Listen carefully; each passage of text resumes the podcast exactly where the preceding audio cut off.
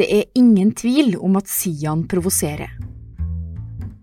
Spytting på Koranen, karikaturtegninger av profeten Mohammed, utskjelling og advarsler om borgerkrig i Norge. I helga brukte politiet til og med tåregass for å få kontroll, og 29 motdemonstranter havna i arresten. Hvorfor velger Sian å provosere så veldig? Og hva oppnår de med det? Dette er forklart fra Aftenposten. Jeg heter Marit Eriksdatter Gjelland. I dag er det tirsdag 1. september. Nå står jeg helt bak eh, motdemonstrantene. Eh, Stortinget synes langt til det fjerne. Rundt meg er det masse lyd, ulike instrumenter. Daniel Rød Johansen er journalist her i Aftenposten og sto i solskinnet foran Stortinget i Oslo på lørdagen. Blikkbokser, grytelokk, kreativ, ulike kreative løsninger. Men uh, i hvert fall herfra, her uh, den største mengden motdemonstranter står, er det akkurat nå helt umulig å høre Sians uh, budskap fra den andre siden av Eidsvolls plass. Der ble det holdt en stor demonstrasjon mot en liten demonstrasjon. Og denne store demonstrasjonen lagde masse lyd for at det skulle være vanskelig å høre appellene. Appellene fra en liten gruppe folk med hjemmelagde banner og en treboks som podium et um, skilt om at islam skaper ufred.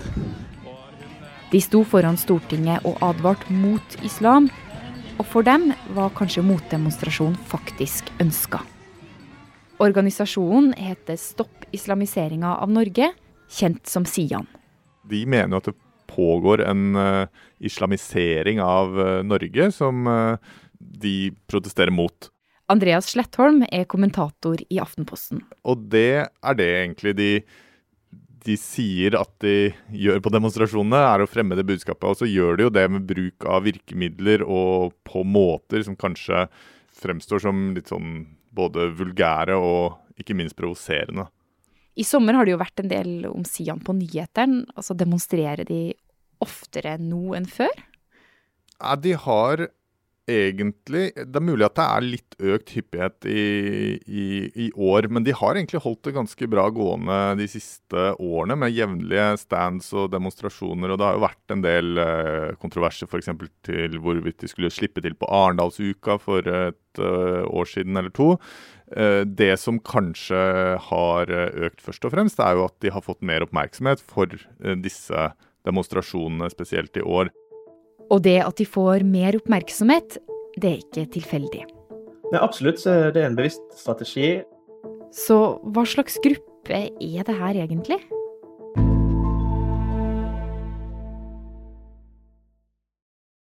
Du, jeg ble kjent med Sian tilbake i 2009, og så gjorde jeg et intervju med lederen eh, deres i 2010 til min masteroppgave den gangen. Lars Erik Berntsen jobber ved Universitetet i Bergen og forsker på ekstremisme og ytre høyre, og driver podkasten Politikk og røvere. For å forstå hva Sian er, så må vi 20 år tilbake. Den gangen så besto de høyreekstreme og høyreradikale miljøene av mer klassiske rasister og nynazister, som mener menneskeheten er delt inn i raser, og at noen er bedre enn andre. Men så skjedde noe. Terroranslag mot USA. Flere amerikanske bygninger brenner og er evakuert. In, a,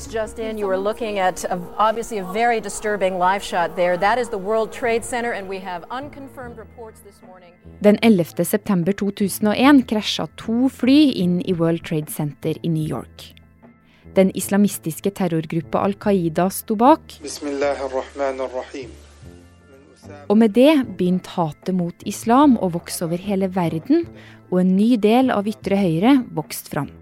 Og Det som er nytt med denne bevegelsen, er det at uh, de uh, forfekter uh, veldig annerledes ideer enn det nynazister og lignende gjorde. De snakker ikke om rase, de uttaler seg støttende til den jødiske minoriteten og andre minoriteter, også til homofiles rettigheter. Og de stiller seg opp som forsvarere av den vestlige sivilisasjonen i den moderne innpakningen som vi har i, i dag. Også de, mange av de liberale og progressive verdiene. Eh, også dette sveiser de da sammen med et forsvar av tradisjon og arv, og også kristendom. Så du har en sammensmeltning av ideer som kommer fra både fra høyre- og venstresiden. En av de her islamkritiske organisasjonene som dukka opp her i landet, var Sian. De starta opp året før 11.9, men vokste etter angrepet. Nei, altså De var jo en liten organisasjon den gang, som nå, som reiste rundt i, i Norge og holdt eh, sånne små punktdemonstrasjoner og stands. Og så, eh, men det, meste de drev på med, var egentlig på nettsiden deres. Og så eh, hadde de sånne medlemsmøter der, de drev eh, på med en slags bokklubb rett og slett, og leste Koranen og, og lignende. 20 år er likevel ganske lang tid. Og siden 11.9 så har det skjedd flere ting som har prega antiislamske grupper som Sian. Fremveksten av terrorgruppa Den islamske staten er en sånn ting som har bidratt til Sians bilde av islam. De er jo redd for at, eh, og mener det at eh, Norge og andre vestlige land holder på å bli islamisert. altså Dvs. Si at eh, islam som religion og som et politisk styresett kommer til å ta over. Så det, de mener er jo det at, og det de tror, er det at de aller fleste muslimer er fordekte militante islamister, akkurat som type IS. Og de tror det at uh, det er den veien det kommer til å gå med Norge innenfor en ganske kort tidsperiode, hvis ikke man da stanser uh, utviklingen. Så hvem er det som er med i Sian, da? Sian består i all hovedsak av middelaldrende til eldre mennesker Eh, både menn og kvinner. Det har jo vært en overvekt av eh, menn. Eh, det er en ganske liten organisasjon. De har jo hevdet på noen tidspunkt at de har hatt flere hundre medlemmer. Men på disse punktdemonstrasjonene sine så har det ikke pleid å være mer enn maksimalt 20 mennesker som har, som har, dukket opp. Og Det er den samme lille klikken stort sett som møter opp på alle disse demonstrasjonene, så det er snakk om en liten gruppe. Han som leder gruppa i dag, heter Lars Thorsen. Du har kanskje sett bilder eller videoer av han i det siste. Høy, kortklipt og mørke øyebryn.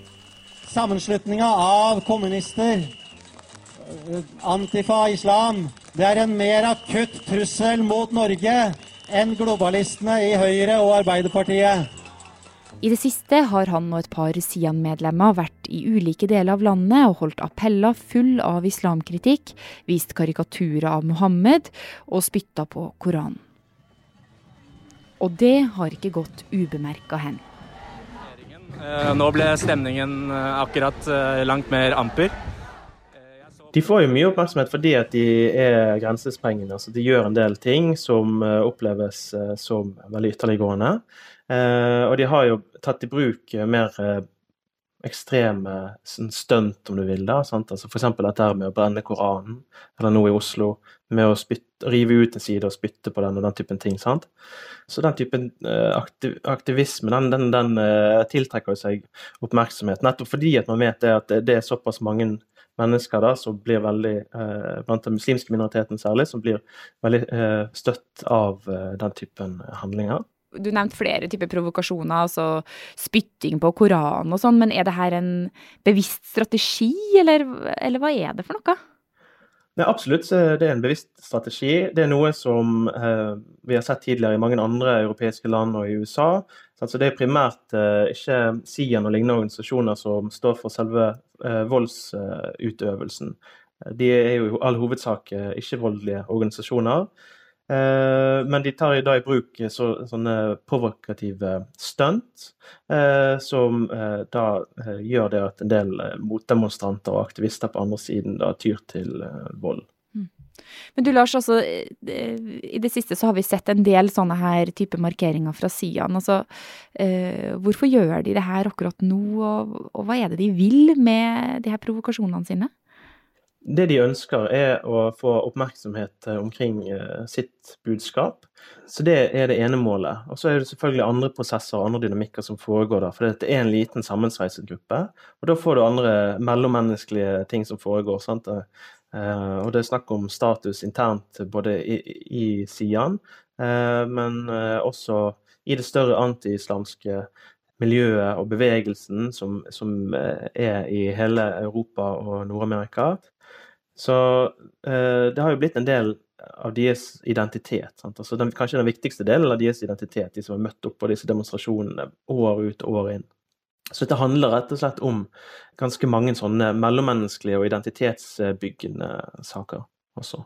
Så det å provosere, da, og, og, det gir status i de her miljøene?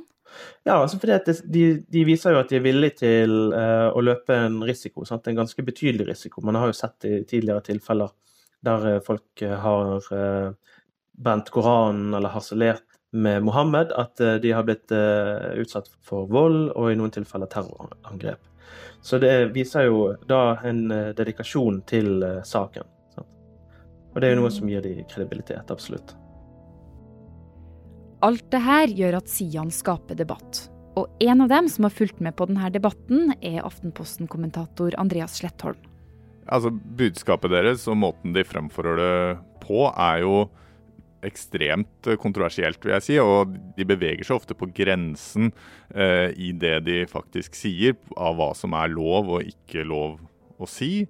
Så det er jo veldig sånn kjente provokative virkemidler som de ofte eh, benytter seg av. sånn at eh, det, det, er jo hele meningen, det, at eh, de, de skal bli opprørt mot demonstrantene.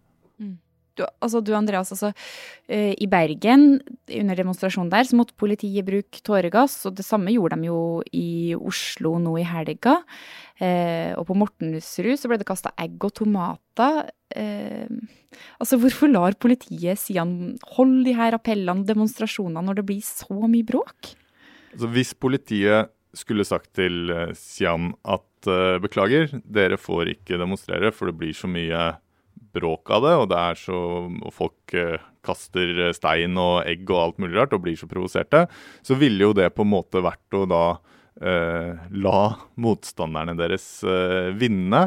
Eh, og, og, ved bruk av da udemokratiske virkemidler. ikke sant? Steinkasting og, og, og, vold og trusler og sånne ting er uh, udemokratisk. Mens Sian egentlig benytter seg da av sin ytringsfrihet. Og uh, i Norge så er det sånn at uh, alle har rett til å benytte seg av den ytringsfriheten. Også hvis det er en sjanse for at de kan komme til å si noe som er utenfor den grensen, altså sånne hatefulle ytringer, så er ikke det noe som kan forhåndssensureres. Eh, men det må da eventuelt straffes i etterkant. Så politiet har ikke noen mulighet eh, i lovverket til å si at uh, dette uh, kan vi ikke ha. Da må eventuelt da organisasjonen som sådan forbys, uh, men også organisasjonsfriheten, akkurat som ytringsfriheten, står veldig sterkt i Norge. Så jeg oppfatter ikke at det er noen som egentlig vil endre loven på det punktet. Så det betyr at Sian har rett til å demonstrere, samme hvor mye bråk man forventer at det blir. For du kan ikke bli tatt for noe du ikke har gjort ennå. Hvis det skulle komme hatefulle ytringer, så må man eventuelt bli dømt for dem i etterkant. Mm. Ja, ja, og det skjer jo. F.eks. ble Sian-lederen Lars Thorsen dømt for brudd på rasismeparagrafen i fjor. Men den dommen er ikke rettskraftig ennå. Altså Sian de ønsker oppmerksomhet når de holder de her demonstrasjonene sine. Og sånn sett også innflytelse. Får de det? Oppnår de det de vil ved å, å provosere og, og holde demonstrasjoner på den måten de gjør? Jeg vil si langt på vei så gjør de jo det. Dette er jo en liten organisasjon, og de, de organiserte på en måte islamfiendtlige og for den saks skyld høyreekstreme miljøet, andre organisasjoner. Det er jo uh, veldig lite uh, i Norge, men, men en måte de kan påvirke samfunnet på, er jo å skaffe oppmerksomhet ved, av, ved å benytte seg da, av demonstrasjonsfriheten og ytringsfriheten. Og gjerne også da denne dynamikken som oppstår når, det, når de klarer å provosere meningsmotstandere til å eh, ja, kaste stein og den type ting. Da får man jo mye mer omtale av disse demonstrasjonene sine. Samtidig så vil jo mange da forsvare den eh, reaksjonen, den motdemonstrasjonen, ved å vise at uh, man er jo utallig mange ganger flere, og man, man, på en måte ikke aksepterer eh, rasisme, og at det er en, en sånn konfrontasjonsstrategi som, eh, som også eh, har mye for seg. Men dette er jo veldig vanskelig. Her befinner vi oss på en måte i helt sentrale dilemmaer i det liberale demokratiet, ikke sant? hvor man skal eh, tåle eh, veldig mye. Og så det, har du denne medielogikken hvor egentlig formålet er å få oppmerksomhet. Og så hvis man omtaler det i det hele tatt, så, så er det langt på vei vellykket. Ja, ikke sant. Så vi, vi her i Forklart vi hadde jo sannsynligvis ikke laga denne episoden hvis det ikke hadde vært for de demonstrasjonene og, og, konfrontasjonene som vi har sett i det siste. Nei, og du kan si at selv om vi har et, eh, eller i hvert fall jeg har et veldig kritisk eh, forhold til både budskap og virkemidler til Sian, så er det jo Kan det godt hende at de er ganske fornøyde med at vi lager denne episoden. Det er jo et uh, paradoks. Og uh, noen vil kanskje si at man da overhodet ikke skal gi uh, en sånn organisasjon oppmerksomhet i det hele tatt. Men så er det jo relevant da, at det blir gateslag rundt omkring flere steder i Oslo. Det er liksom ikke medienes ansvar å la være å omtale ting heller. Men, eh, men, dette er jo noe som også fra sånn mediehold eh, er fullt av vanskelige dilemmaer.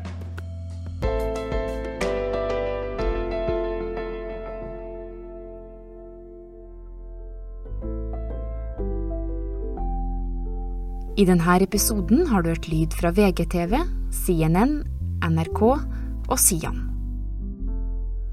Forklart lages av Caroline Fossland, Anne Lindholm, Fride Næss Nonstad, Andreas Bakke Foss og meg, Marit Eriksdatter Gjelland.